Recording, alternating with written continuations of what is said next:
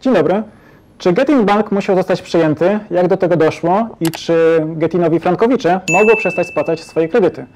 Naszymi gośćmi są dziś e, wiceprezes Grupy Kapitałowej Immobile, Sławomir Winiecki Dzień dobry. oraz dr Rafał Pukasz, który ma długi życiorys e, w sferze bankowej, autor wielu publikacji naukowych, nauczyciel akademicki od 2019 roku, e, członek Rady Nadzorczej i przewodniczący Komitetu Audytu w Grupie Kapitałowej Immobile. Dzień dobry. Podstawowe pytanie. E, Ratowanie Getin Noble Banku kosztowało teraz 10 miliardów złotych. Czy musiało do tego dojść i co ta historia nas uczy na przyszłość? Bardzo długa cisza. Czy musiało do tego dojść? No, cytując klasyka, widocznie musiało, skoro doszło, tak jak rozmawialiśmy. Natomiast y, y, no, to była trochę agonia, która trwała kilka lat. Y, Bank od 16 roku przynosił notorycznie straty. Ciągnęły, ciągnął się za nim ogon y, kredytów frankowych, bardzo duży. Naj, największe relatywnie obciążenie spośród, spośród polskich banków właśnie tymi kredytami. E, 40% portfela kredytów mieszkaniowych to były kredyty frankowe, y, według naj, najnowszych ostatnich danych za pierwszy kwartał.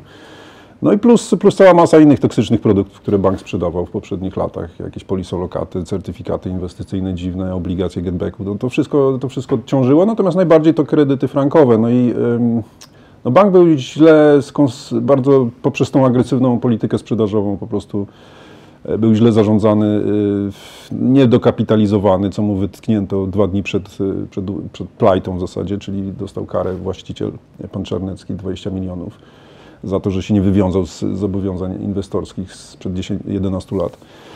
Więc w zasadzie e, bank dryfował już od kilku lat i, i był na tyle duży, że nie można było co z nim zrobić. Był za duży, żeby mu pozwolić upaść po prostu, więc poczek, poczekano na zmianę przepisów. W- Jeszcze w lipcu miała miejsce zmiana, zmiana ustawy o BFG, e, przemycona w, w ustawie węglowej, o dodatku węglowym.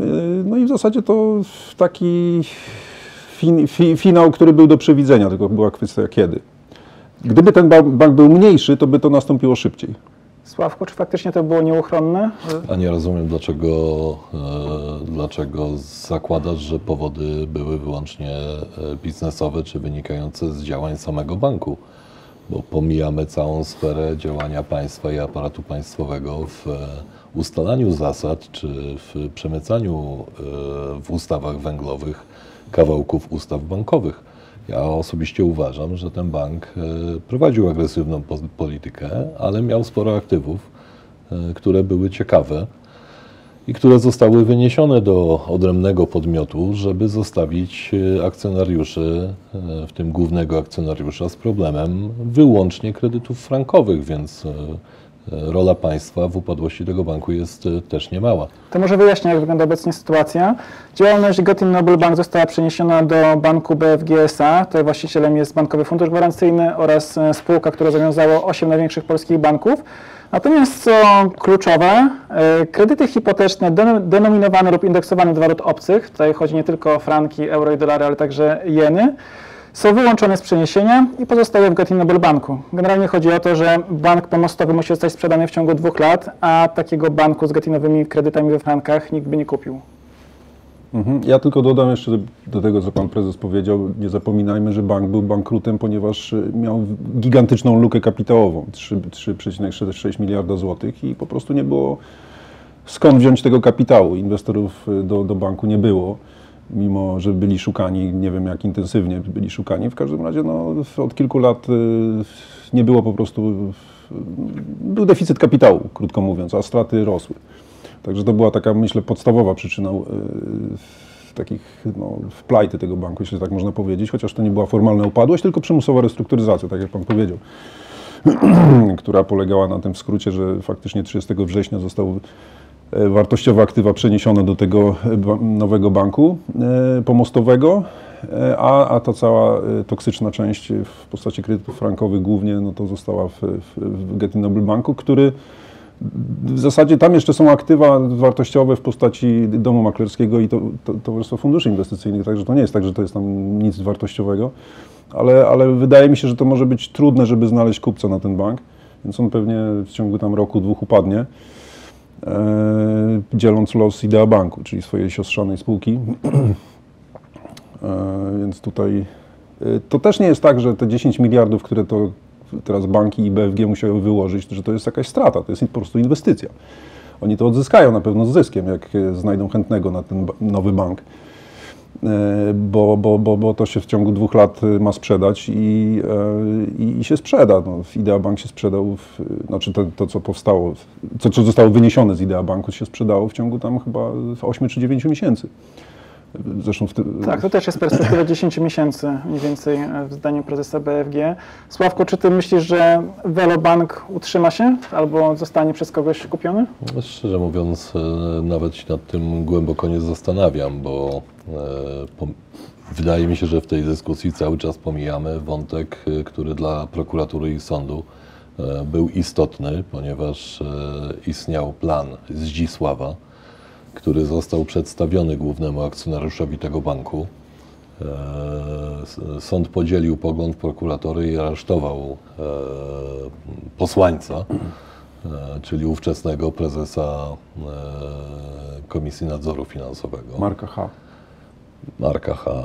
E, Więc, e, więc uważam, że cały ten proceder, e, albo inaczej, ten proceder w całym procesie na pewno jest bardzo zachęcający do zakupu Velobanku, no, ponieważ Polska pokazała, że gwarantuje pewien model przewidywalnych zachowań wobec właścicieli banków. Może przypomnę, nie wszyscy być może wychwycili sarkazm prezesa.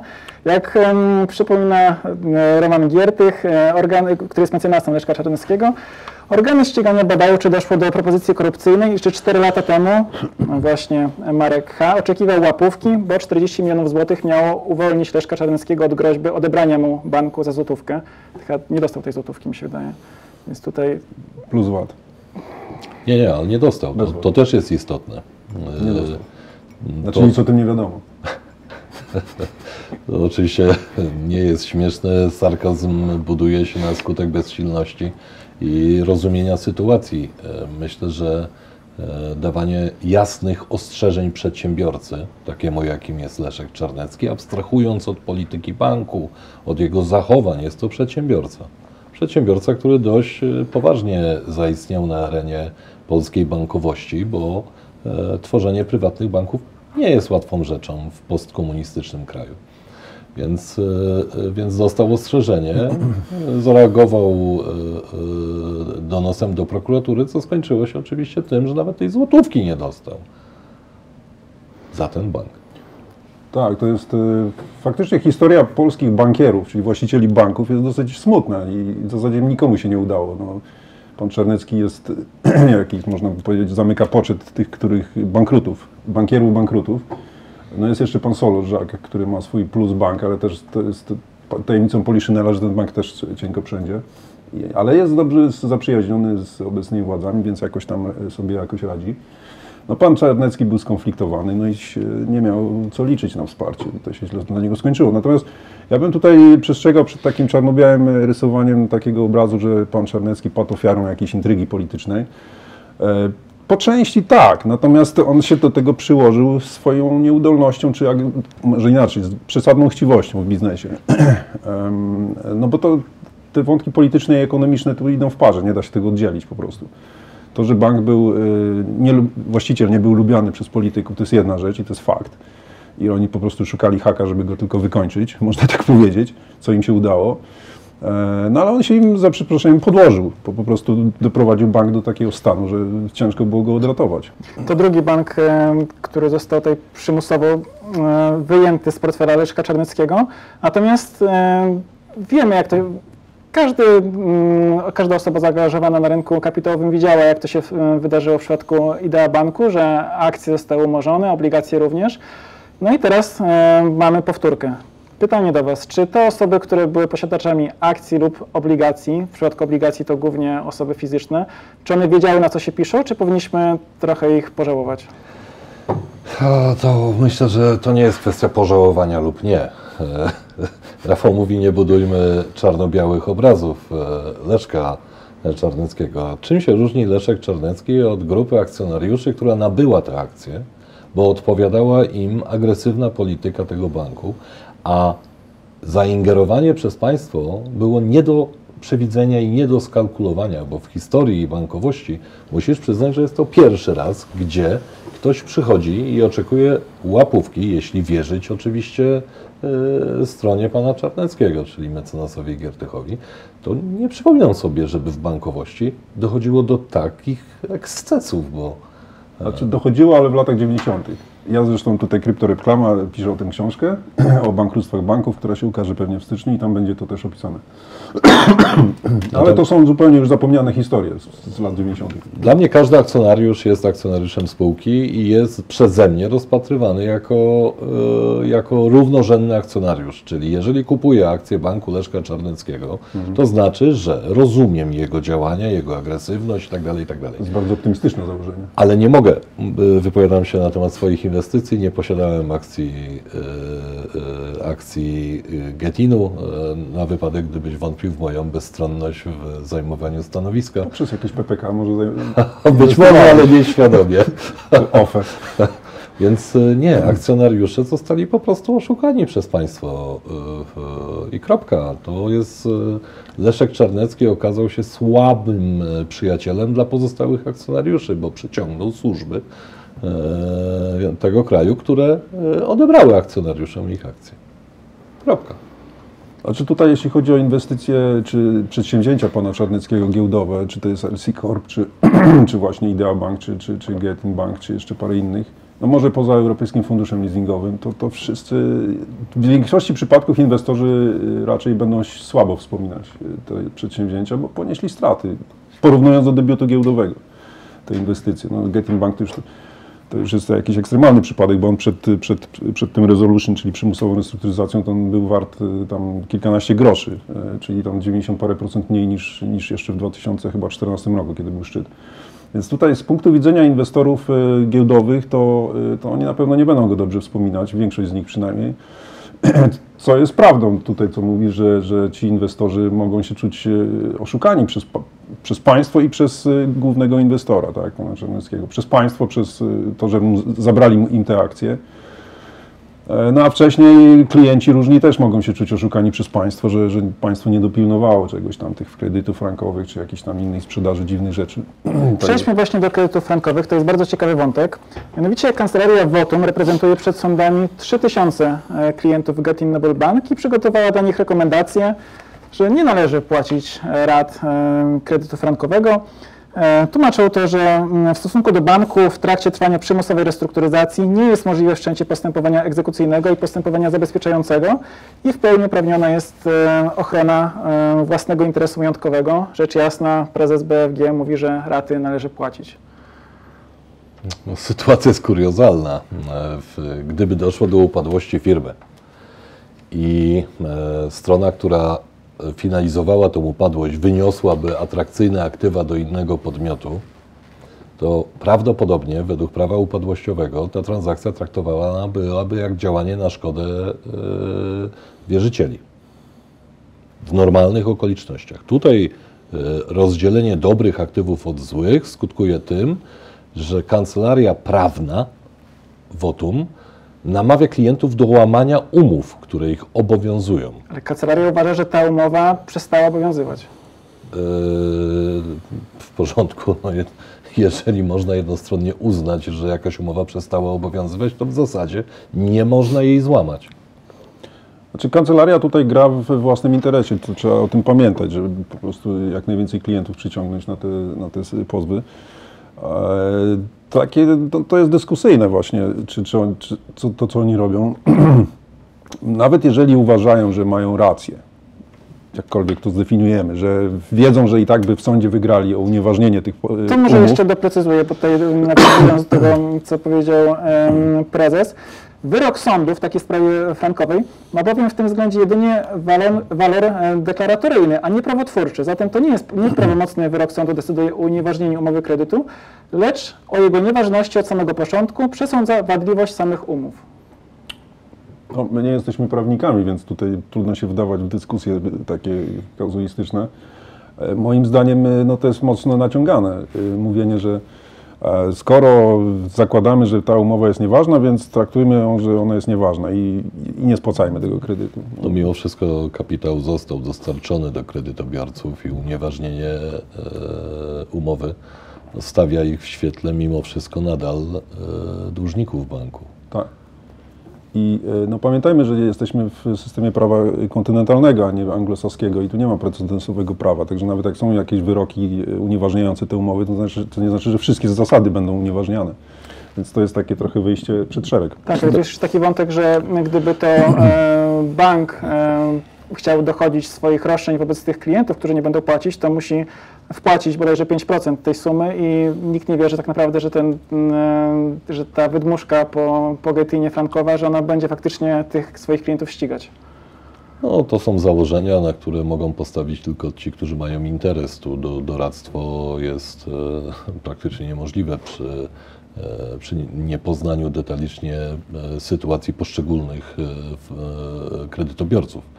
E, Natomiast warto zwrócić e, w tym miejscu uwagę na to, e, że firma Votum, zgodnie z oświadczeniem prezesa, i tak wynika to z komunikatów, odpisała 6 milionów, które rozpoznała zysku z tytułu, z tytułu wygranych spraw przeciwko Getinowi o umowy frankowe. To znaczy, że zarząd dość poważnie traktuje brak możliwości egzekucji, brak możliwości e, ściągnięcia e, należnych wygranych, czyli to, o czym mówił Rafał, zakłada, że jego klienci nie wywiążą się z zapłaty, jeśli nie będą w stanie e, ściągnąć tych pieniędzy z, e, z Getinu.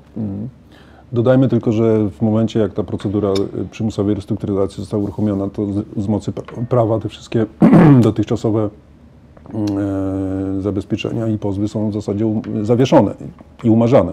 Znaczy te, także tutaj jest kwestia mm, kilku lat procesu restrukturyzacji e, i dopiero potem zostaną wznowione te pozwy. Także to jest tak, że nawet ci klienci, jeżeli mają teraz e, zasądzone te pozwy, znaczy te zabezpieczenia e, w stosunku do, do banku przed 30 września, czyli przed uruchomieniem procedury e, przymusowej restrukturyzacji, to one zostają zawieszone. E, Więc, więc to jest w zasadzie kwestia kilku lat, y, potem dopiero jak będzie kwestia upadłości orzeczonej, syndyk, dopiero wtedy te, te, te kwestie będą rozpatrywane. Y, Także tutaj ci, ci, ci kredytobiorcy no, mogą nie spłacać tych kredytów, e, ale to w niczym, ym, że tak powiem, nie rozwiązuje ich, ich problemu, y, co najwyżej tam odwleka w czasie. E, No ale to jest, to jest bardzo ciekawy problem y, i bardzo skomplikowany prawniczo, więc tutaj to jest, y, sytuacja Frankowiczów w tej, w tym, w tej konkretnej operacji jest no, naprawdę dosyć skomplikowana. Podsumowując, jak patrzycie na całą tę historię Getin Noble Banku? Doktor jako wykładowca akademicki, e, prezes jako współwłaściciel spółki i członek kadry zarządzającej. Cieszycie się, że system jakoś zadziałał i ten bank nie upadł, czy patrzycie na to no jednak z niesmakiem, co to za historia, no jednak jesteśmy daleko w lesie?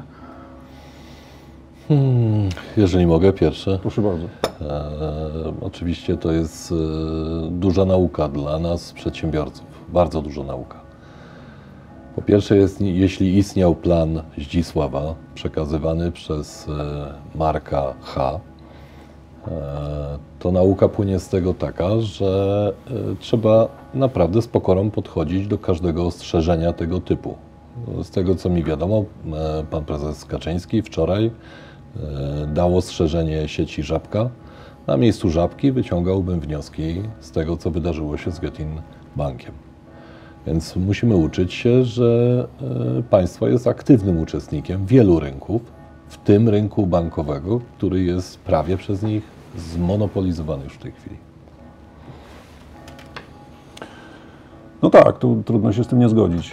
Ja tylko dodam, że w zasadzie to jest operacja, która musiała nastąpić. Takie, teraz jak za oknem patrzę na te piękne drzewa, to tak sobie taką, takie porównanie mogę, że to było takie odcięcie gni, gnijącej gałęzi, które no oczywiście szpeci to drzewo, no ale było nieuniknione.